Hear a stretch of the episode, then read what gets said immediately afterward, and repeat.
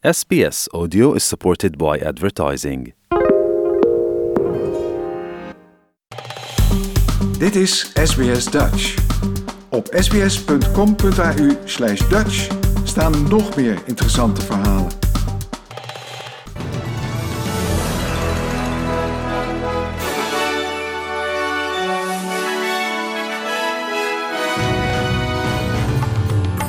Dit zijn de headlines van het SBS Dutch nieuwsbulletin van woensdag 18 mei. Premier Scott Morrison geeft toe dat hij als leider gevoeliger had kunnen zijn. EU-leden onderhandelen verder over Russische olie-embargo en Tweede Kamer stemt voor herziening uit huisplaatsing toeslagenaffaire kinderen.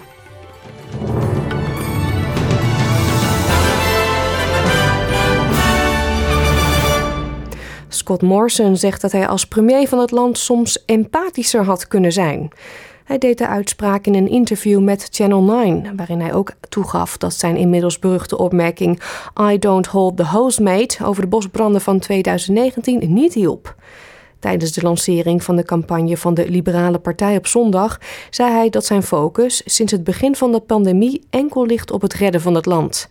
Iets waarvan hij zegt dat zijn regering gedaan heeft. Journalist Tracy Grimshaw vroeg of die bewering niet wat overdreven is. You don't hold a hose. You weren't in your tinny plucking people off rooftops. You weren't doing 16 hour days in PPE on COVID wards. You didn't get enough vaccines soon enough. You didn't get enough rats so that we could finally have a holiday interstate for Christmas and China is set up base in the Solomons. Do you think maybe you slightly over egged the part about I saved the country? Well, that's, that's quite a long list you've been able to pull together. But let me say this we've come through this pandemic better than almost any other advanced country in the world. JobKeeper was saved the Country. That's specifically what I was referring to. And if you don't think it did, Tracy, well, you can, you can have that argument with the 800,000 people who kept a job as a result of that. De leider van de federale oppositie, Anthony Albanese, geeft vanmiddag een verkiezingstoespraak in de National Press Club in Canberra. Gisteren beschreef de Labour-leider de verkiezingsdag als daunting, maar hij zei ook dat hij van de campagne heeft genoten en er alles aan gedaan heeft om de kiezers te informeren.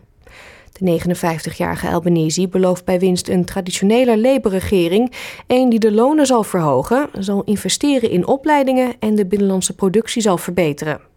Jim Chalmers van Labour zei bij de ABC dat zijn partij de verkiezingsuitslag niet als vanzelfsprekend zal beschouwen. Uh, we expect it to be incredibly close on Saturday when the votes are counted, and that's why we take no votes and no outcome for granted. We'll be working our butts off all the way up to the close of polls to make sure uh, that Australians understand the choice at this election. De Russische president Vladimir Poetin zegt dat het voor sommige Europese landen moeilijk zal zijn om Russische olie te weigeren. Op dit moment onderhandelen EU-leden over een olieembargo als reactie op het conflict in Oekraïne. President Poetin waarschuwt dat de sancties van westerse landen en het voorgestelde olieembargo de wereldprijzen hebben opgedreven en in heel Europa de inflatie heeft aangewakkerd. The sanctions already adopted by our European colleagues and their vocal declarations about the possibility of a complete rejection of Russian energy sources in the future have led to an increase in oil prices on the spot market. De EU-gesprekken over de maatregelen tegen Rusland mislukten eerder door een veto van Hongarije. Het land is afhankelijk van Russische olie-import. De Oekraïnse regering zegt te werken aan het in veiligheid brengen van meer troepen uit de Azovstal staalfabriek. Volgens president Zelensky hebben Russische troepen raketten afgevuurd op de regio van Lviv en hebben er luchtaanvallen plaatsgevonden in het oosten van Luhansk. Zelensky zegt dat, hoewel er spanning is, dit een krachtmeting is. Nadat meer dan 250 Oekraïnse strijders zich hebben overgegeven aan Russische troepen in Mariupol. President Volodymyr Zelensky heeft ook een live videotoespraak gehouden tijdens de opening van het filmfestival van Cannes in Frankrijk. De leider van Oekraïne kreeg een staande ovatie. Hij moedigde de nieuwste generatie filmmakers aan om de confrontatie aan te gaan met dictators en gaf Charlie Chaplin, die Adolf Hitler hekelde, als voorbeeld. Hij drong erop aan om tijdens de 75e editie van het festival niet te zwijgen over het conflict dat woedt in Oekraïne. La haine finira par disparaître. Hate will end by disappearing and the dictators will die. Finally, we must win. We need cinema to guarantee this ending, that each time it will be on the side of freedom. And as it has always been, it will be, above all, the path of cinema. Thank you, everyone. Glory to Ukraine. De organisatie van het festival hebben Russen die band hebben met de regering dit jaar uitgesloten van deelname aan het event. In heel Europa hebben vrouwen vol lof gereageerd op de stap van de Spaanse regering om een wetsvoorstel in te dienen waarin staat dat werknemers recht hebben op verlof als ze ernstige menstruatiepijn hebben. Het voorstel, het voorstel maakt deel uit van een groter pakket met daarin onder andere het voornemen om de abortusrechten in Spanje uit te breiden. De regering focust zich momenteel op vrouwenkwesties en keurde gisteren een conceptwet goed. Europese vrouwen hopen dat andere regeringen het voorbeeld van Spanje zullen volgen. Met de federale verkiezingen in aantocht blijkt uit nieuw onderzoek dat Australiërs met de laagste inkomens exponentieel achterlopen op de kosten van levensonderhoud.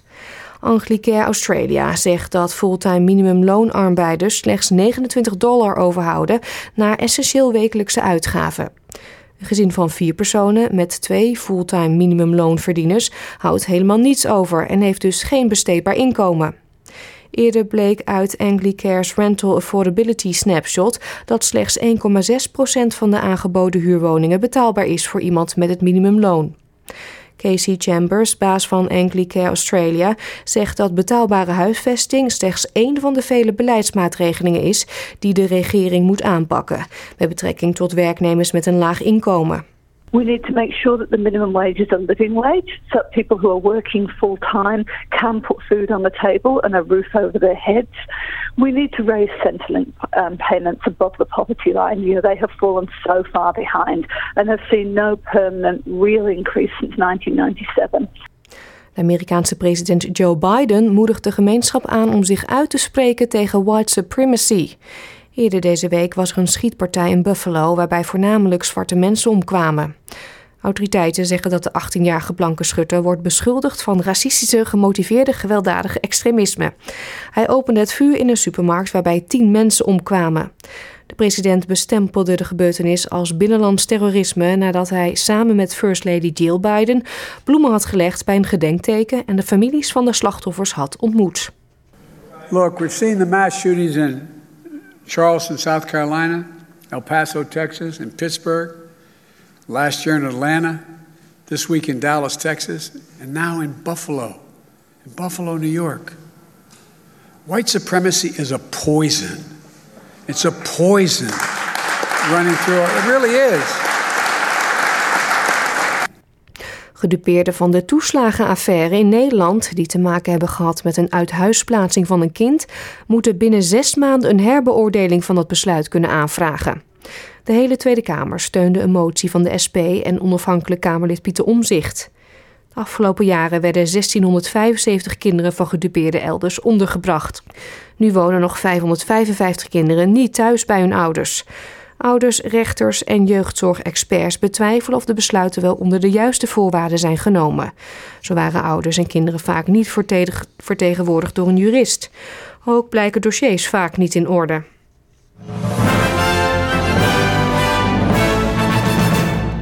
Kijken we nog even naar de weersverwachting voor vandaag. In Perth regen met kans op onweer en daar wordt het 22 graden. Adelaide kans op een paar ochtendbuien, 18. Ook in Melbourne kans op één of twee buien, 15 graden. Hobart, daar neemt het aantal buien in de loop van de dag af, 12. Canberra is het gedeeltelijk bewolkt, 13.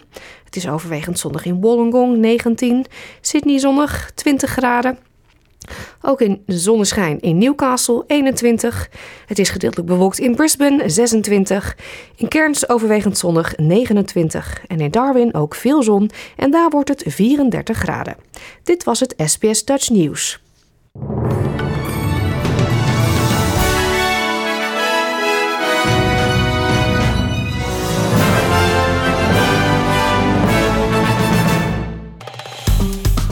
Like, deel, geef je reactie. Volg SBS Dutch op Facebook.